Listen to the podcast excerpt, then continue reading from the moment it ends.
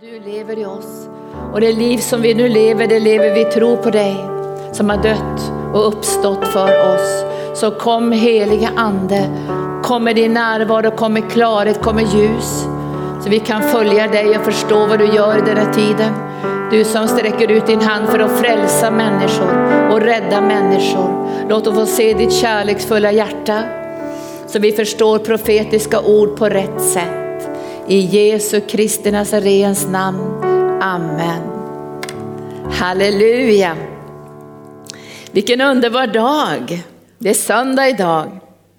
Och idag ska vi fira Herrens uppståndelse. Vi är på vägen i påsken, men varenda söndag firar vi Herrens uppståndelse och Jesu Kristi seger över allt mörker och alla sjukdomar. Tack Anita för den här presentationen av arbetet i Minsk. Vi har ju varit ute många gånger du och jag. Och vi har en lång historia bakåt där vi har kämpat och stått för Jesus i det här landet. Och fått se Guds mäktiga hand och fått se så många människor bli frälsta. Tack lovsångare. Visst är det härligt att lovsjunga? Jag märker det på liksom att det är en glädje. Och ni som är hemma nu, fortsätt att lovsjung. Fortsätt att lovsjung idag. Ta fram dina lovsångs-CD. Sätt på dem eller lyssnar via telefonen och så lovar du och prisar och ärar Herren. För han väntar på att alla hans fiender ska bli lagda under hans fötter som en fotapall. Idag ska jag tala om det profetiska och att förstå det profetiska. För vi lever ju en tid nu när vi hör väldigt många profetier. Och Bibeln säger att vi ska pröva allt och behålla det som är gott. Och då prövar vi inte utifrån hur vi känner det. Eller vi prövar inte ens utifrån om det går till sin fullbordan, eller hur? Vi prövar inte och säger oj, det skedde ju som den här profeten sa. Det är inte utifrån det vi prövar det. Vi prövar utifrån skriften, Guds ord.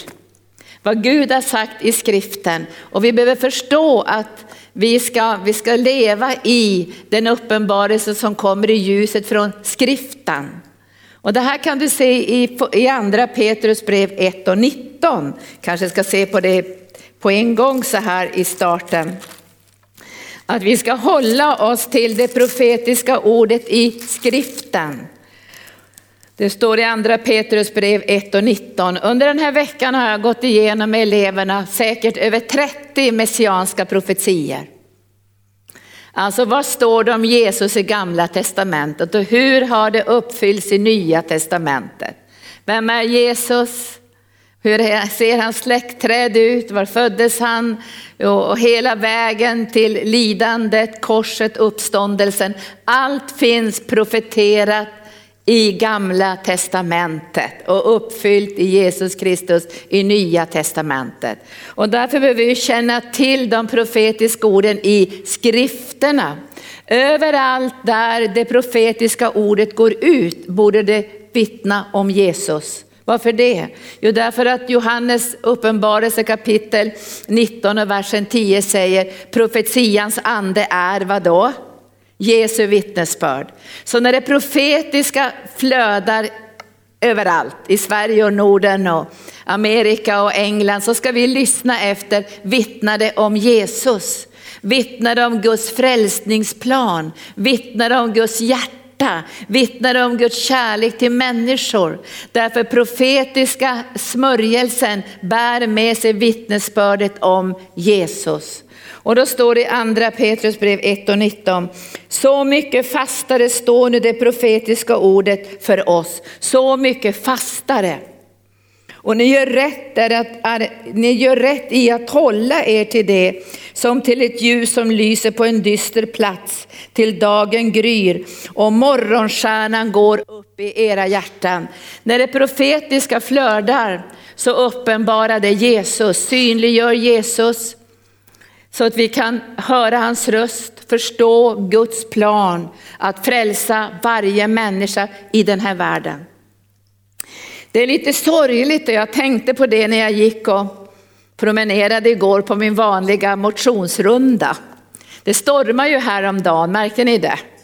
Till och med Aston blev rädd för det var en åsksmäll också, eller två. Och när jag gick där i skogen på den här skogsvägen så, hade, så såg jag först en jättestor gran. Alltså en färsk, levande, stor gran med fina kottar låg rakt över vägen, säkert 10 meter hög. Och jag gick och tittade på en gång på rotsystemet. Och så märkte jag att det var ett väldigt, väldigt svagt rotsystem. Och så gick jag vidare och så låg det en annan stor gran över vägen, också frisk och fräsch. Och den hade dragit med sig en jättetall. Och då gick jag och tittade på de rotsystemen också. Och så såg jag att de var bräckliga och svaga och ytliga. Och när jag gick där så kände jag vad viktigt det är att eh, när vi ser de profetiska orden, att de får grundas i skriften. Och här står det att ingen profetia i skriften har kommit fram genom egen tolkning. Ingen profetia i skriften, därför behöver du och jag känna till profetiorna i skriften. Så att vi kan tolka dem utifrån det ljus som den heliga ande ger. Och vi ska hålla oss till profetiorna i skriften. Och då ska vi titta idag på hur viktigt det här är och hur lärjungarna var så noga med att hänvisa till skriften. De var så noga med att hänvisa till vad har Gud redan sagt. Och nu är det uppfyllt och hänvisa tillbaka till det här har Gud sagt i det gamla förbundet, det här har Gud lovat och nu är det uppfyllt. Så när Jesus möter lärjungarna på Emmausvägen i Lukas evangelium kapitel 24 så tror jag han har det längsta bibelstudiet någonsin. Alltså han vill att lärjungarna ska vara noggranna. De ska bara inte hitta på saker. De ska inte bara liksom slänga ur sig saker. De ska kunna se vad står det skrivet, vad har Gud gett för löften. Och i Lukas evangelium så möter han, han dem ju på vägen till Emmaus, några av lärjungarna som är väldigt tyngda på gräns, de var faktiskt deprimerade därför de hade tolkat det som skedde på Golgata kors på fel sätt. Och ändå hade ju Jesus gång på gång förklarat för dem att Messias måste dö och på tredje dagen ska han uppstå. Han är Guds lamm som ska dö för världens synd. Men det är som att de inte riktigt kan ta till sig det här. Och nu möter han dem på Emmausvägen och så börjar de berätta om hur hemskt allting är. Men så säger de, men vi har hört, säger de i den, vi ska se, jag läser lite grann här från 22 versen. Och så kom de och sa att det några har kommit tillbaka och berättat att de har fått en syn med änglar och de har sagt de här änglarna att Jesus lever. Då i 25 versen säger Jesus så här, så tröga ni är i tanke och hjärta. Så tröga ni är i tanke och hjärta till att tro på allt som profeterna har sagt. Vi behöver veta vad profeterna har sagt. Vad har profeterna sagt? När vi gick igenom de här över 30 messianska profetiorna så vet ju jag att det finns många, många fler profetier. För Gud vill att vi ska veta att när han talar så är det inte bara ett vakuum, vad som helst. Eller till och med att någon profet kommer och säger imorgon kommer det här att ske. Då lyssnar inte jag på det om inte det förankras i skriften. Eller hur? Det handlar inte om om någonting kommer att ske eller inte ske. Det handlar om vad har Gud förutsagt. Och när det profetiska kommer uppenbarar det alltid Guds kärleksfulla frälsningsplan. Och det är lite sorgsligt, nu ska jag säga vad som är lite sorgsligt faktiskt. Det är att många gånger är det så att vi människor, kristna också, att vi skärper till oss när det blir nöd. Alltså då börjar Guds folk att be mer än när det blir en farsot eller problem eller hemska saker som sker. Så ska det inte vara. Vårt böneliv ska inte vara beroende av omständigheterna, utan det ska vara kärleken till Jesus som gör att du och jag vill be. Det är kärleken till Jesus som gör att du och jag vill evangelisera. Det är inte så att, att hemska saker som coronavirus eller olyckor eller farsoter eller krig skulle göra att vi kommer närmare Jesus. Utan det är hans kärlek som för oss närmare honom varje dag. Därför kan vi tjäna honom i full kraft i livets alla omständigheter. Får jag ett halleluja på det? Tack Jesus. Men visst är det lite tragiskt på något sätt. Att, att fort det blir något jobbigt, då ska vi börja bedja. Alltså vi ska börja bedja för vi älskar Jesus. Och det här ska vi påminna oss om nu efter den här coronakrisen går över. Att vår kärlek till Jesus, vårt engagemang i församlingen, det blir inte starkare för att det kände hemska olyckor och krig och, och farsoter. Utan vi tjänar Jesus för vi älskar honom. Och vi vill lära känna honom mer och mer för varenda dag som går. Så när lärjungarna möter Jesus här så börjar han ett jättelångt bibelstudium. Och det står i 27 versen, han började med Moses och alla profeterna och förklarade för dem vad det stod om honom i alla skrifterna. Alltså han förklarade från Moses, alla profeterna, här står det om mig, här står det om mig, här står det om mig, här står det om mig. Han präntade in det i deras hjärtan för att de skulle förstå det på pingstdagen när Guds ande skulle falla. Då skulle de kunna hänvisa till det här. För varenda människa, varenda jude, varenda person som kom skulle de kunna säga, det här är redan förutsagt, det här har Gud redan lovat. Och då ska vi titta på den text jag ska predika lite grann ifrån idag ifrån Apostlagärningarna kapitel 2. Och har du din bibel med dig så slå gärna upp det, för vi ska se på det här, för vi går ju nu snart in i påskan och då kommer vi att predika mycket om Jesu lidande och uppståndelsen, apostlagärningarna. Det har skett någonting fantastiskt nu. Guds ande har fallit med dunder och brak. Jag tror att Gud önskar att manifestera en övernaturlig kontakt med oss. Att det inte är en smygandedop. Vill ni ha ett smygandedop? Det ska inte märkas. Vi får vara lite försiktiga. Utan när den heliga ande faller i övre salen så är det ett dån. Det är ett kraftfullt dån.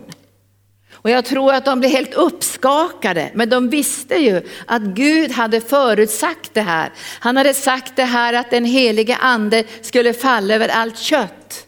Det har ni läst i det profetiska och det här hänvisar ju Petrus till. Det här är redan förutsagt i Joels bok i andra kapitlet, att den heliga ande ska falla över alla människor.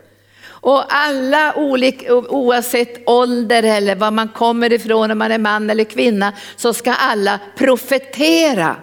Och det betyder tala om Guds mäktiga gärningar. Och då skulle man säga Guds mäktiga gärning i Jesus Kristus, för det var en mäktig gärning, eller hur vänner? Vilken mäktig gärning att Jesus besegrade döden och dödsriket, tog straffet för all synd och att han bar denna fruktansvärda börda och Guds kraft kom så starkt i honom att han uppväcktes ifrån de döda. Och Gud satte honom på, faderns, eller på sin högra sida. Alltså det var verkligen en mäktig gärning och den ville Gud demonstrera. Så när, när anden föll i övre salen så dånade det och det kom eld från himlen, tungor av eld som satte sig på var och en. Och det står i Bibeln att de blev så druckna av den helige ande att de som såg dem trodde att de hade druckit alkohol. Alltså Gud ville demonstrera. Och jag tror och jag säger det profetiskt, Gud vill demonstrera sin kärlek till människor idag. Alltså han vill demonstrera sin frälsning. Jag tror vi ska vara lite försiktiga som vi som kristna att bara ge något lite psykologiskt hopp sådär. Gud är ju snäll och han är ju med oss och var inte rädda. Vi behöver presentera frälsningen i Jesus Kristus och det behöver ske, tror jag, med dunder och brak. Vad tror ni? Det behöver bryta igenom. Det behöver märkas att Jesus har uppstått ifrån de döda. Och när de fylldes så av Guds kraft och Guds härlighet så borde ju Gud ha sagt om han ville vara vislig, eller hur? Stanna i övre salen nu tills ni har lugnat ner er. Ja men vi kan ju tänka så. Var försiktiga nu. Jag hör ju ibland syskon säga till mig, var försiktig nu, tala inte i tungor, vi får inte skrämma folk. Jag ska säga, man skräms inte av tungotal. Jag blir frälst när man talar i tungor, som vänsterradikal. Vet ni det? Då blev jag frälst. Därför att jag hörde ett så fantastiskt vackert språk som jag visste det här kommer inte från den här världen. Alltså jag satt ju som vänsterradikal, aggressiv vänsterradikal, nästan dittvingad till någon konstig bönegrupp i Stockholm. Där jag satt och bråkade först i flera timmar om kapitalismen. Till de sa så här, nej nu Linda ska vi be till Jesus och nu får du vara tyst en stund. För jag hade svårt att vara tyst för jag skulle debattera alla olika grejer som hände just då.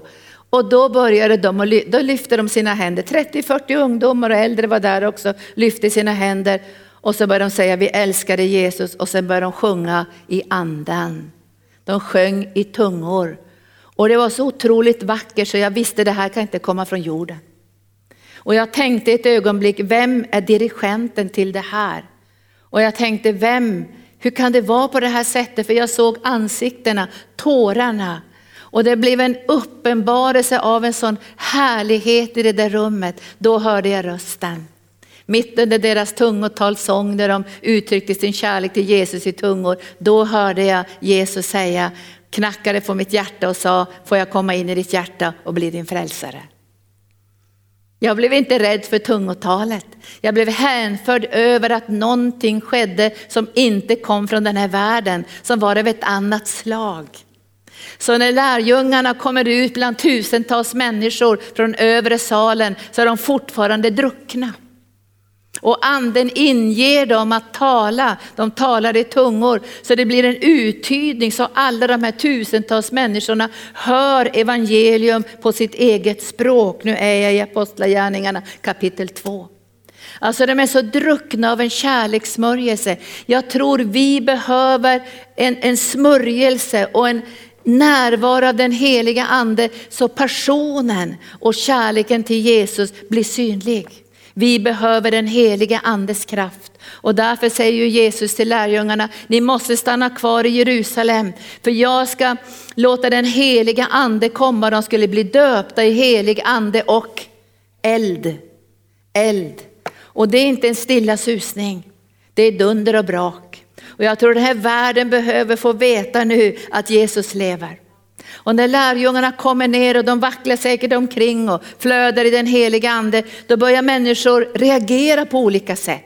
En del blir förvånade, andra blir kritiska, andra börjar tala emot dem. Men då stiger Petrus fram och sen hänvisar han till profetorden.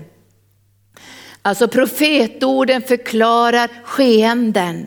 Profetorden förklarar vad gör Gud i den här tiden och var är han på väg? Och det finns i skriften. Därför önskar jag att alla som profeterar idag ut över världen ska vara noga med skriften och känna igen den profetiska orden som redan är uttalade i skriften. Så att de som hör de profetiska orden kan höra Jesu röst. För Petrus träder fram och säger, jag vill förklara det här för er. Jag vill förklara det här för er, därför det är redan förutsagt för många hundra år sedan i Joels bok.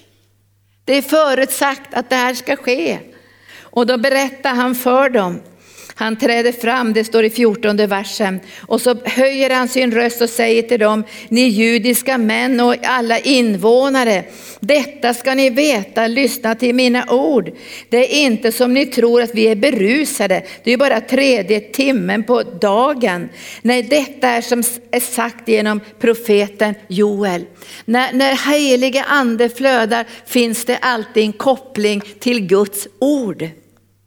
Och så börjar han att förklara det här, det som ska ske de sista dagarna. Att den helige ande ska komma över allt kött. Gud ska utgjuta sin ande. Och så förklarar han det. Och sen fortsätter han och förklarar i 22 versen vem Jesus är.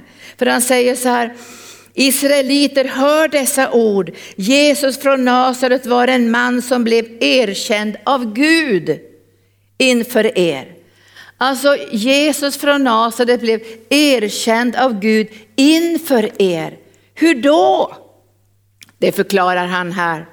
Och så säger han genom kraftgärningar, under och tecken. Så blev Jesus erkänd inför människorna genom kraftgärningar, under och tecken. Det är därför som Jesus gjorde tillsammans med Fadern så många under och tecken. Det var Guds erkännande.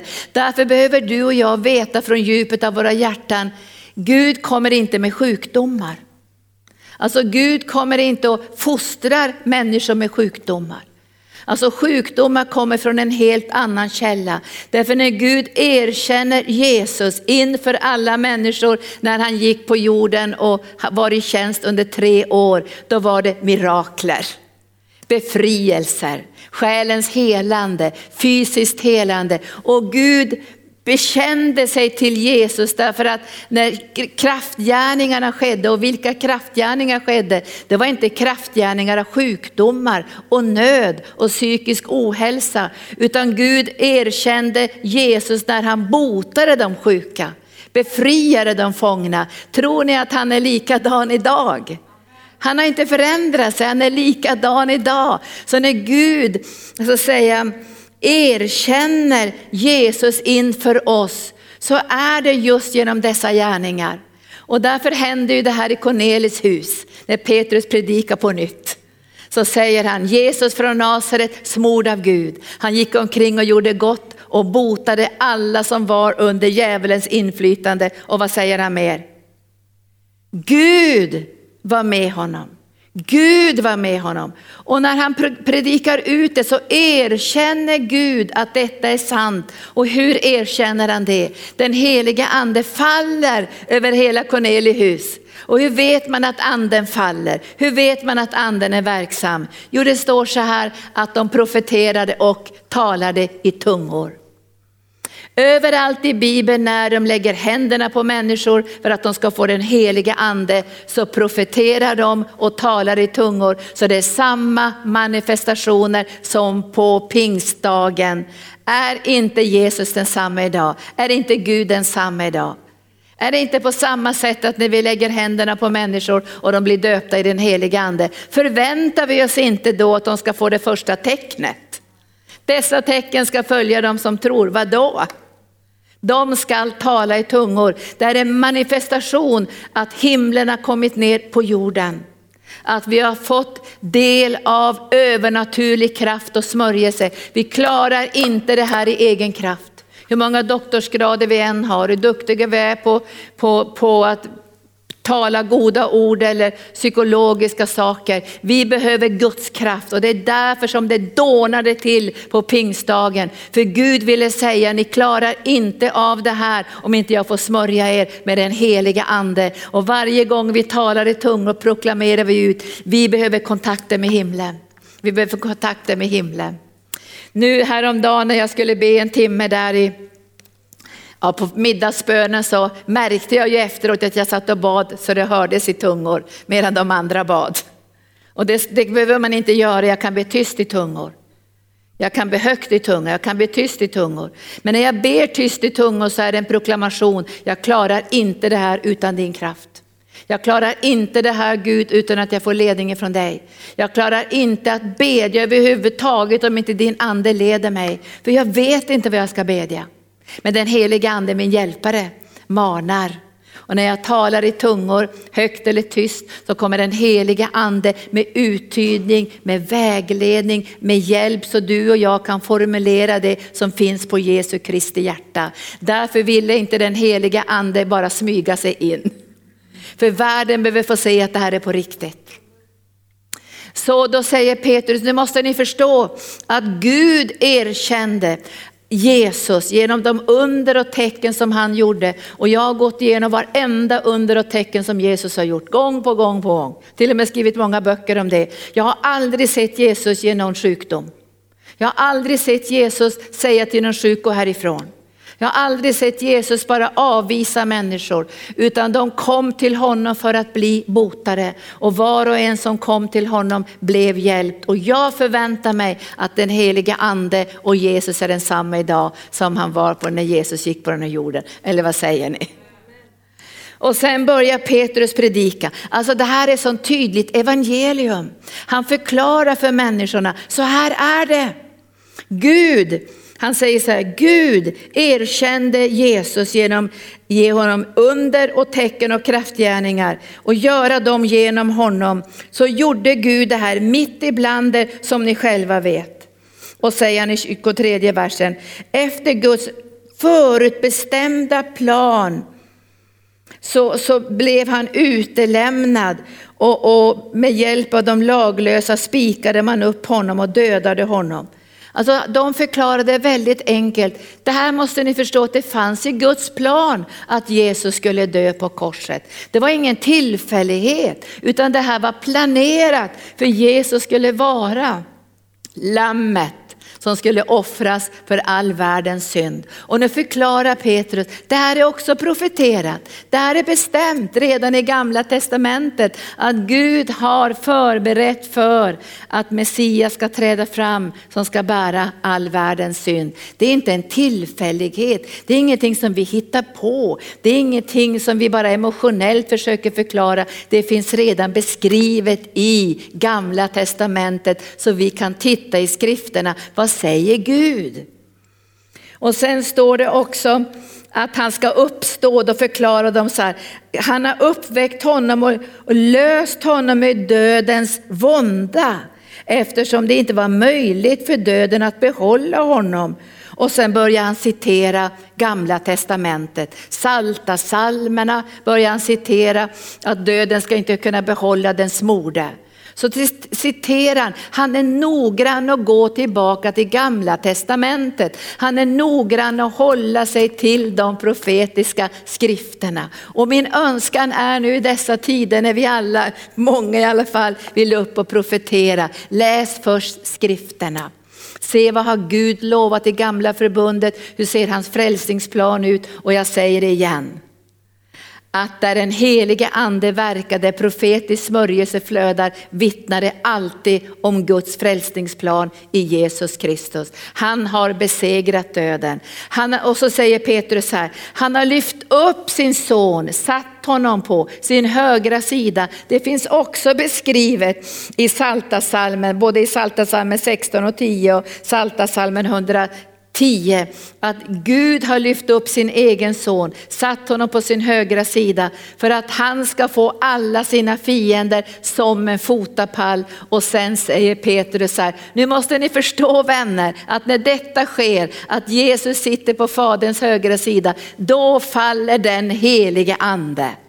Och hur vet han det? Därför Jesus har sagt det själv i Johannes 7 så säger han så här, att, att kom till mig ni alla som törstar, så ska ni få levande vatten. Men så står det, Vattnet kunde inte börja flyta på det sättet som han predikade ut, för han skulle först bli förhärligad. Och det betyder bära sitt blod in i det allra heligaste. Sen skulle anden falla. Och nu på pingstdagen så ropar hela himlen, det är fullbordat. Jesu blod är framburet i den, i den eviga världen och nu kan anden falla över allt kött. Och när anden faller så är det för att återupprätta kärleksrelationen relationen med Gud. Och därför behöver vi predika evangelium om vem Jesus är, vad han gör, om hur han dog på korset, hur han uppstod, besegrade döden. Och på grund av det kan anden falla. På grund av Jesu försoningsverk så faller anden med kraft och den övernaturliga dimensionen av Guds härlighet blir synlig i den här världen. Och när evangelium predikas på det här sättet, då händer det någonting. Det står så här, jag bara ska ta det till sist så här, så, så, så, så står det så här att alla som lyssnade fick ett styng i sina hjärtan. Alltså vi behöver få se hur människor får ett styng i sina hjärtan. Inte ett styng i sina hjärtan av någon slags lagiskhet. Eller att de får någon sorts fördömelse eller utstötthet. De behöver höra evangelium så det blir ett rätt styng i sina hjärtan så att de ställer den rätta frågan. Och så frågar människorna, det är tusentals människor där som lyssnar, vad ska vi göra? Vad ska vi göra? Jag önskar att vi ska få den frågan i Sverige idag. Vad skall vi göra? Att det är ett styng i människors hjärtan som kommer av evangelium. För nu behöver människor få höra överallt i Sverige, ut över Norden, hur blir man frälst? Hur blir man frälst? Och de frågar, bröder vad ska vi göra? För nu har evangelium förkunnats, evangelium om Jesus. Och jag tror vi behöver hålla oss till de här enkla, tydliga, bibelgrundande sanningarna om Jesu död och uppståndelse och Jesu gärning i den här världen och fortsatt gärning i den här världen. Och vad svarar de då? Bröder, vad ska vi göra? Petrus svarade dem, omvänd er och när han säger omvänd er så menar inte han sluta nu med era dumheter och, och gör bra saker istället. Omvänd er, det betyder ni har varit bortvända ifrån Gud, men nu ska ni vända om till era själars herde och vårdare. Vänd hem. Det enda vi behöver göra är att öppna våra hjärtan det är det som Gud förväntar sig. Och jag tror människor tänker alltid, vad ska vi göra, vad ska vi göra, säg någonting svårt. Säg någonting svårt. Och Jesus svarar i sina lärjungar en gång när de säger, vad ska vi göra då? Så säger han, tro på den han har sänt, tro på den han har sänt. Vi vill många gånger göra någonting svårt, eller hur? Vi är många gånger som Naman i Bibeln, säger någonting svårt så gör du det. Säg något riktigt komplicerat så gör jag det. Men Naman skulle gå och doppa sig sju gånger och han blev så arg så han tänkte åka hem. Han tyckte det var bara förnedrande att gå och doppa sig sju gånger, för det var för lätt. Och hans medarbetare säger, om, om profeten hade sagt någonting svårt, då hade du gjort det. Men nu är det någonting lätt. Och då gjorde Naman det och han blev fullständigt helad. Att ta emot Jesus är någonting lätt, omvänd dig. Vänd om om du har stått så här, om så här kanske, så vänder du om och säger Jesus, nu vill jag ta emot dig som frälsare. Jag blev frälst på en sekund. Jag behövde inte alls några övningar eller grejer, jag blev frälst på en sekund. I samma ögonblick som jag sa, jag hörde den här knackningen, Linda får jag komma in i ditt hjärta. Det var någon sekund som jag tänkte så här, mitt liv kommer att se helt annorlunda ut om jag säger ja nu. Men jag gjorde det. Och i nästa ögonblick så var det annorlunda. Jag hörde inte knackningen utanför mitt liv längre. Jag hörde Guds röst på insidan. Och det var inte Guds röst som sa Linda, nu måste du omvända dig från alla, alla dina politiska grejer, du måste omvända dig från din syndiga livsstil, du måste du omvända dig från alla de här sakerna, alla dina svordomar och allting. Det fanns inget sånt alls. Utan det första jag hörde när Jesus flöde, kom in i mitt hjärta, det var, jag har aldrig glömt det, han sa Linda jag älskar dig. Och utifrån de orden föddes en sån längtan i mitt liv att få tjäna honom, följa honom och älska honom. Och varje dag så frågar jag, vad behagar dig Jesus? Vad tycker du om? Hur vill du att jag ska leva? Och jag kan säga dig, jag hörde hans röst. Från den stunden var inte hans röst utanför mitt liv, utan hans röst var på insidan. Och därför säger Petrus här, ni måste omvända er. Vänd, vänd om, titta in i Jesu ögon, se hans kärlek, se hans frälsningsplan. Han har inte kommit för att döma människor. Han har kommit för att frälsa människor därför att det är profetians smörjelse och ande flödar. Vittnade om Jesu kärlek till varenda människa och det är det evangeliet vi ska, vi ska för, förvalta och föra ut till en döende och sargad värld. Så det profetiska ordet får lysa i en dyster vildmark och ge människor hopp. Omvänd er och sen säger han, låt döpa er i Jesu Kristi namn. Låt döpa er. Vi ska snart ha dop här i arken. Många har blivit frälsta. Och när man döps så döps man till det nya livet. Man lämnar det gamla livet i dopgraven. Kommer du ihåg det Oskar? Du, du, du låg där under vattnet och så sa du, nu lämnar jag mitt gamla liv. Och så reste du dig upp i uppståndelsens kraft och fick dela det nya livet som kung och präst. Utan fördömelse, utan skuld kunde du börja leva det nya livet i en andlig kärleksrelation med Gud. Och därför säger Petrus, ni måste få dela det nya livet på ett övernaturligt sätt genom dopet. Inte genom egna gärningar, genom tron och genom dopet. Genom den här proklamationen inför hela andevärlden. Och jag tyckte det var så underbart att se när en del döptes här sista tiden i arken. Hur vi bara proklamerade ut för hela andevärlden. Jag har beslutat att följa Jesus. Om andra tvekar ska jag jag följa. Jag tänker följa Jesus. Det är min proklamation mot hela andevärlden, mot mörkrets makt. Jag har gjort beslutet och min gamla människa, mitt gamla liv ligger under vattnet. Jag är död och begraven med Jesus men jag är uppstånden i härlighet tillsammans med honom och ska leva det nya livet här på jorden och sen på ett helt annat sätt i härlighet i evigheten. Omvänd er och låt döpa er i Jesu Kristi namn. Och så säger han, så att era synder blir förlåtna. Det är det första steget. Och sen säger han, då får ni den helige ande som gåva. Då ska ni få den heliga ande som gåva. Det här är alltså evangeliets kärna. Då ska ni få den heliga ande som gåva. Och därför är det så otroligt viktigt att vi ber för människor till andedop. Att de får möta den heliga ande och doppas i den heliga ande. Så de får del av den övernaturliga dimensionen. Så de vågar leva kristet och radikalt i den mörka tiden. Med tro på Guds profetiska ord. Och den här veckan har vi också gått igenom i bibelskolan Uppenbarelseboken. Och jag sa till eleverna, läs särskilt från kapitel 19. Smygläs hur det går. Vi, kan, vi får läsa de sista kapitlen i boken. Vi vet hur det går. Det kommer att bli ny himmel och ny jord där rättfärdighet ska råda. Där Gud ska torka alla tårar. Där vi ska leva i all evighet med Jesus i härlighet. Och döden, dödsriket, Satan, falska profeten, allt det här mörkret ska kastas i den brinnande eldsjön. Och Gud vill inte att en enda människa ska hamna i den brinnande eldsjön. Det är därför som det drar ut på tiden. För vi skulle kunna tänka idag så här, borde inte Gud bara sätta stopp på allting? När Gud vill att alla människor ska bli frälsta.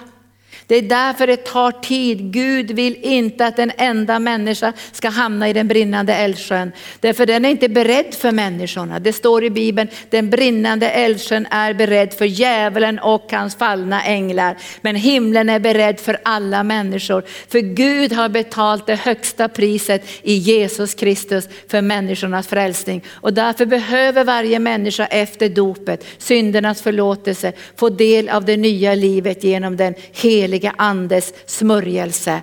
Och det här var så viktigt för apostlarna. Jag ska bara läsa någon text till sist idag ifrån, eh, vi kan läsa i Apostlagärningarna kapitel 19.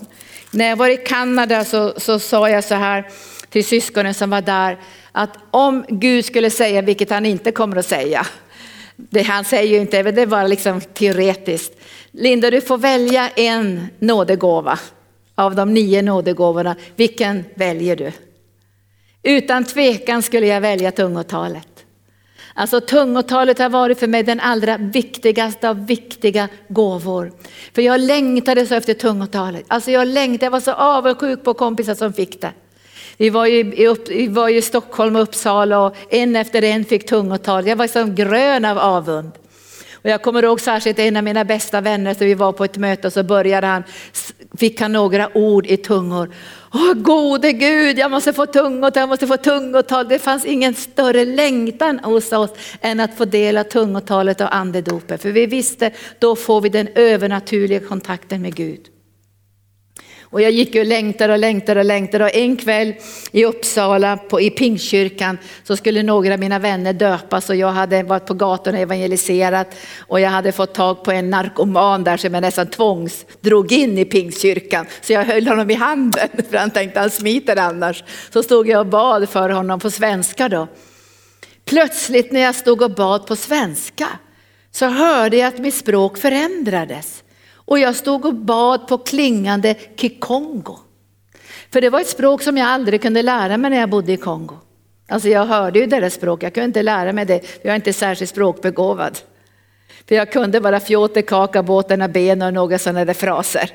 Plötsligt står jag och talar flytande kikongo. Alltså jag blir helt galen av glädje vill säga. Så jag hoppar upp, jag släpper hans hand den här narkomanen och jag börjar springa runt i, i hela Pingkyrkan skrikande kikongo.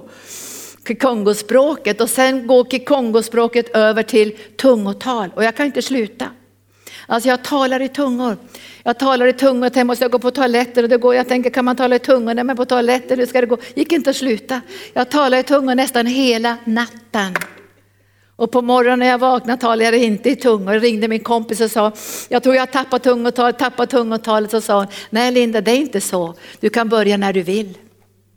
Och så, så, lärde jag mig att jag kunde själv sätta igång och Guds ande kom och jag riktade mig mot Jesus och sen fick jag den här övernaturliga kontakten och utifrån den så kom det profetiska, kunskapens ord, visdomens ord och andra nådegåvor som börjar flöda. Men den absolut viktigaste gåvan som jag har fått uppleva det är tungotalet. Och när vi kommer till Apostlagärningarna 19 så ser vi här hur viktigt det här var för Paulus också. Han kom till Efesos och så står det att när han träffade några lärjungar där så är den första frågan. För det här visste han ju att Petrus hade sagt, ni ska få som gåva den heliga ande. Det räcker inte bara att vara lite intellektuellt troende. Det funkar inte. Jag såg det här bamseträdet så tänkte jag, gode Gud, låt våra rötter gå lite djupare än bara, bara på ytan i någon ytlig teologisk bekännelse. Vi måste ha våra rötter rakt in i Jesu hjärta, i det övernaturliga, i bredden, höjden och djupen och längden av Guds kärlek. Och Paulus frågar på en gång, kapitel 19, tog ni emot den helige ande när ni kom till tro? Tog ni emot den helige ande? Hela tiden ställde de den frågan därför det var Guds löfte. Och vi behöver erbjuda människor i våra församlingar andens dop, eller vad säger ni? Vi ska inte skämmas för manifestationerna. Så vi säger, du får inte visa att du älskar Jesus för mycket. När, när Jesus var helt vild på pingstdagen, när de var druckna av anden, när de hade eld på huvudet, de flödade i anden och profeterade och, och proklamerade mäktiga gärningar. Vill vi ha svagare manifestationer idag? Jag tror inte det. Jag tror vi längtar efter till och med starkare manifestationer. Så överallt så frågar apostlarna, tog ni emot den helige ande? Då svarade de honom, nej vi har inte ens hört att det finns en helig ande. Vet ni, det finns mängder med människor som inte har hört att det finns en helig ande. De vet inte om att Jesus har kommit för att döpa helig ande och eld. De tror bara att de ska på ett intellektuellt sätt säga säga ja till vad skriften säger. Det måste gå djupare än så. Vi behöver bli födda på nytt. Omvända oss, få syndernas förlåtelse.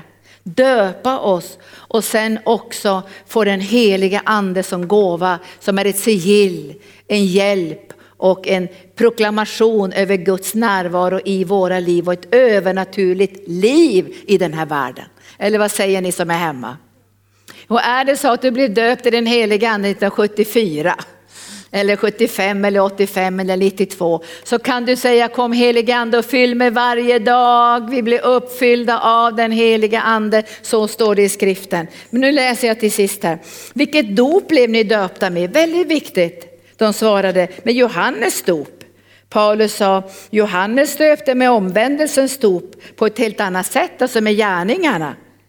Men vi omvänder oss till Jesus. Och, och så säger han så här,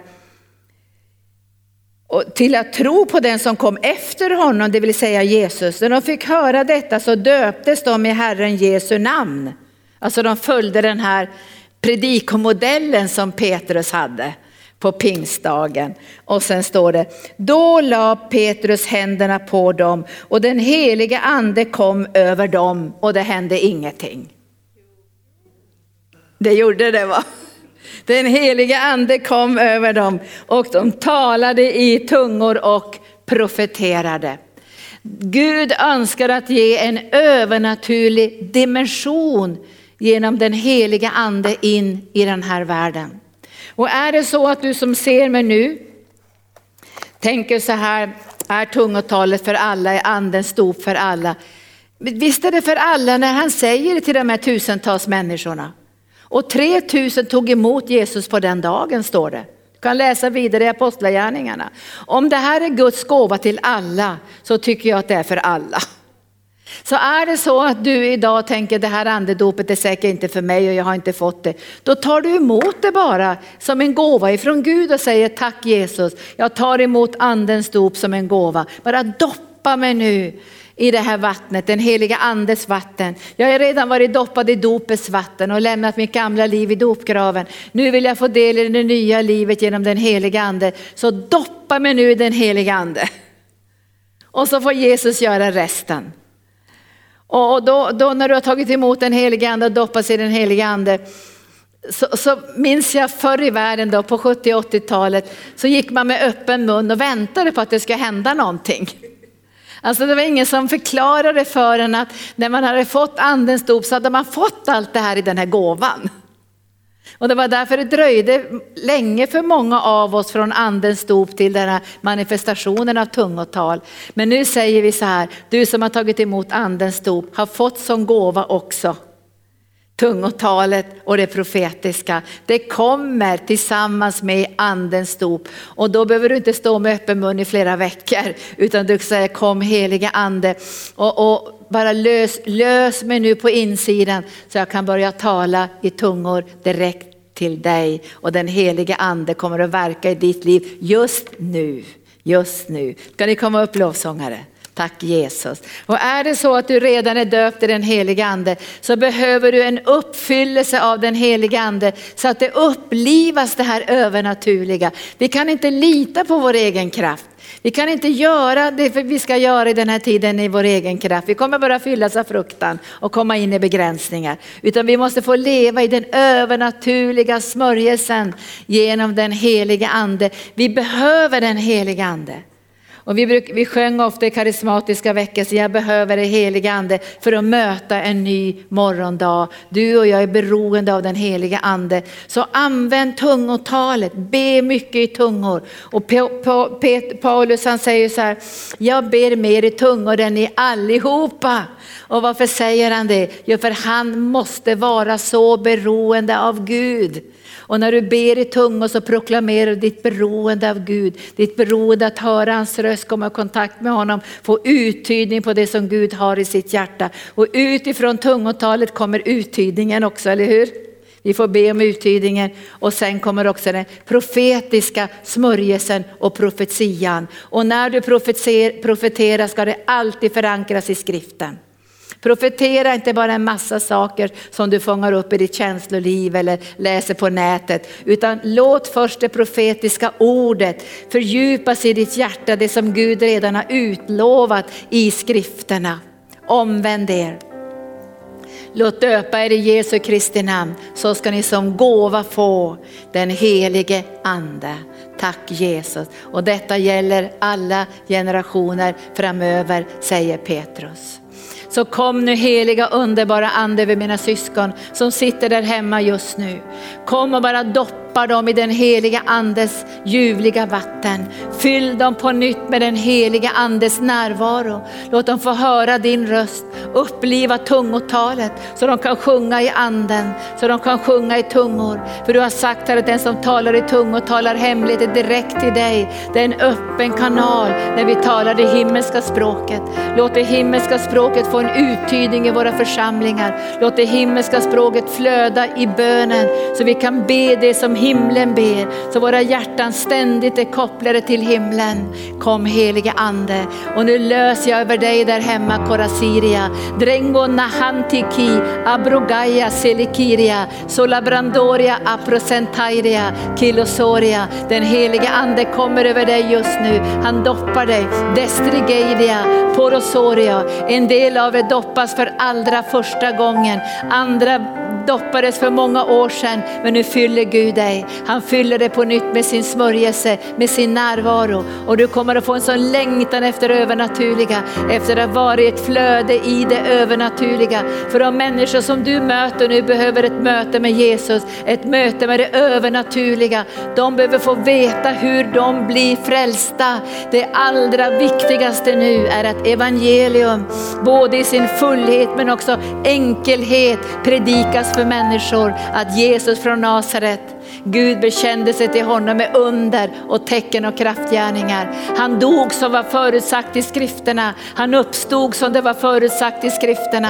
Han sitter på faderns högra sida och har alla fiender som sin fotapall. Han har fått den heliga ande och den heliga ande är utgjuten i den här världen för att uppenbara hans gärning. Och jag ber dig nu heliga ande för alla som är i profetisk smörjelse att de får en gudsfruktan, en respekt respekt för de profetiska orden. Att när det profetiska flödar så uppenbaras Guds underbara frälsningsplan. Att Jesus har inte kommit in i den här världen för att döma världen. Han har kommit in i den här världen för att frälsa världen. Och jag löser i Jesu namn gåvan att tala i tungor. Börja tala i tungor med mig nu. Ni som är här idag, vi bara låter smörjelsen komma. Talar ni i tungor flickor? Då ska Herrens ande komma över er idag så låter vi bara tungotalet få flöda.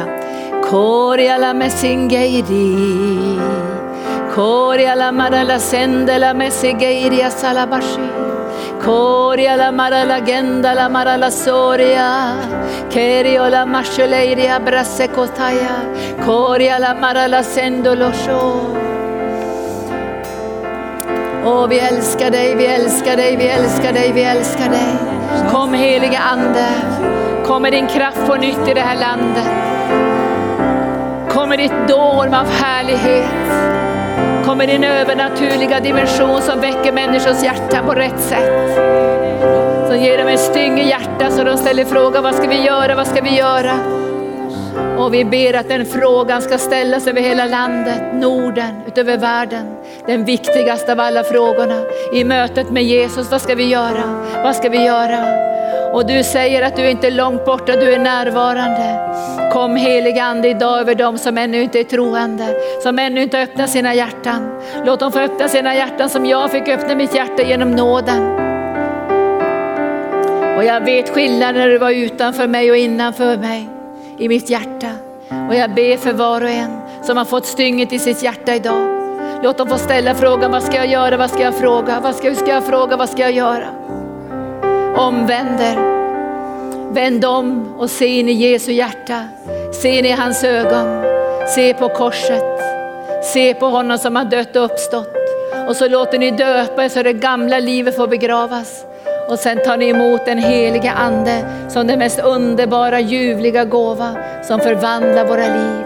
Kom heliga ande, kom heliga ande, kom heliga ande. Bara börja tala i tungor, tala i tungor. Och låt det bara flöda nu, Guds ande är över dig nu, låt det bara flöda. Känn hans närvaro där hemma. Känn hans kärlekssmörjelse. Känn hans omsorg om ditt liv. Han har inte kommit att döma dig. Han har inte kommit med sjukdomar för att du ska be mera. Han har inte kommit med farsoter för att du ska älska honom mera. Utan allt mörker om intet gör han med under, kraftgärningar och tecken på att Gud är med honom i denna världen. Så Jesus min älskade, min älskade Jesus. Du som inte är långt borta, gå till alla de som behöver läkedom nu. Gå till alla de som behöver en beröring från dig. Gå till sjukhusen, gå till vårdpersonal, gå till alla som är troende och ge dem nu frimodighet att predika evangelium. Ge dem öppna dörrar för evangelium. Du som öppnat en dörr till himlen som ingen kan stänga. Så ber jag Herre om många mötesplatser där evangelium om din kärlek, om din kärlek. Jag ber att evangelium om din kärlek till alla människor ska synliggöras. Så kom heliga Ande. Kom helige Ande, ta emot Guds läkande kraft nu där hemma. Bara rör vid Guds sårmärkta händer. För Jesus säger, i mina sår har du redan fått helande. Så lägg din hand nu på ditt bröst. Keroseidia, Korabasondroki atroseidia, kela meshingua parasontaidia. Kom helige Ande, kom och flöda nu in i var och en med din kärlekssmörjelse. Och låt dem få känna din närvaro. I Jesu Kristi Nazarens namn. Kom helige Ande. Låt läkedomen strömma nu. In i hjärtat, in i njurarna, in i lungorna. Kom helige Ande. Kom helige Ande in i skelettet, matsmältningsorganen, blodkärlen, öronen, ögonen destrigiria, progodondo, telasairia, resona sekesi atiki. Och bara bekänn Fader dig till Jesus med tecken, under och kraftgärningar. Kom heliga Ande, för Jesus är densamme idag som han var igår. Låt Jesus beröra dig, dina blodkärl, blodtryck, Du som bär på en cancersjukdom. Vi bara talar till de här cancerns rötter att dö i namnet Jesus. Vi talar till infektioner och virussjukdomar att böja sig i det namn som är över alla andra namn. Det skönaste av namn, det vackraste av namn, namnet Jesus. Tack Jesus för att du är här. Känner du nu hur Guds ande flödar? Hur Guds kärlek strömmar igenom dig? Och ditt tungotal det upplivas. Du kanske inte har talat i tungor på länge, för man talar kanske inte i tungor i din församling. Men den helige ande upplivar nu tungotalet. Så du kan tala i tungor direkt till Jesus. När du går där hemma, när du ber dina böner, när du motionerar, när du är ute i skogen, så ber du i tungor. Och den helige ande tolkar tungotalet för han lyssnar till vad Jesus säger i sitt hjärta. För när anden verkar så lyssnar han till Jesus. För anden kan inte tala av sig själv, han kan bara säga det som anden säger. Och när anden lyssnar till Jesu hjärta, vad tror du han säger? Jag älskar dig, jag har omsorg om dig, ska aldrig lämna dig. Det finns ingen fördömelse hos mig, ingen anklagelse. Ingenting kan skilja dig ifrån min kärlek. Det är Guds stora frälsarfamn och han vill att ni alla ska komma in i den frälsarfamnen. Frälsarfamnen genom Jesus. Gud välsigna dig. Tack för den här stunden. Så syns vi igen på onsdag, då kommer Joshua att predika eldigt, brinnande och sen går vi in i påskan. Så låt bara Guds kärlek strömma genom dig. Och läs gärna profetorden om vem Jesus är i gamla testamentet. Han är en ljuvliga morgonstjärnan, han är läkaren, han är herden, han är rättfärdigheten, han är helgelsen, han är ditt beskydd, han är din försörjare. Allt som Fadern har sagt sig själv vara är uppfyllt i Jesus Kristus och i Jesus har Fadern själv fått ett ansikte. Gud välsigne dig. Ska vi avsluta med en härlig sång? Känner här smörjelsen flödar. Tack Jesus.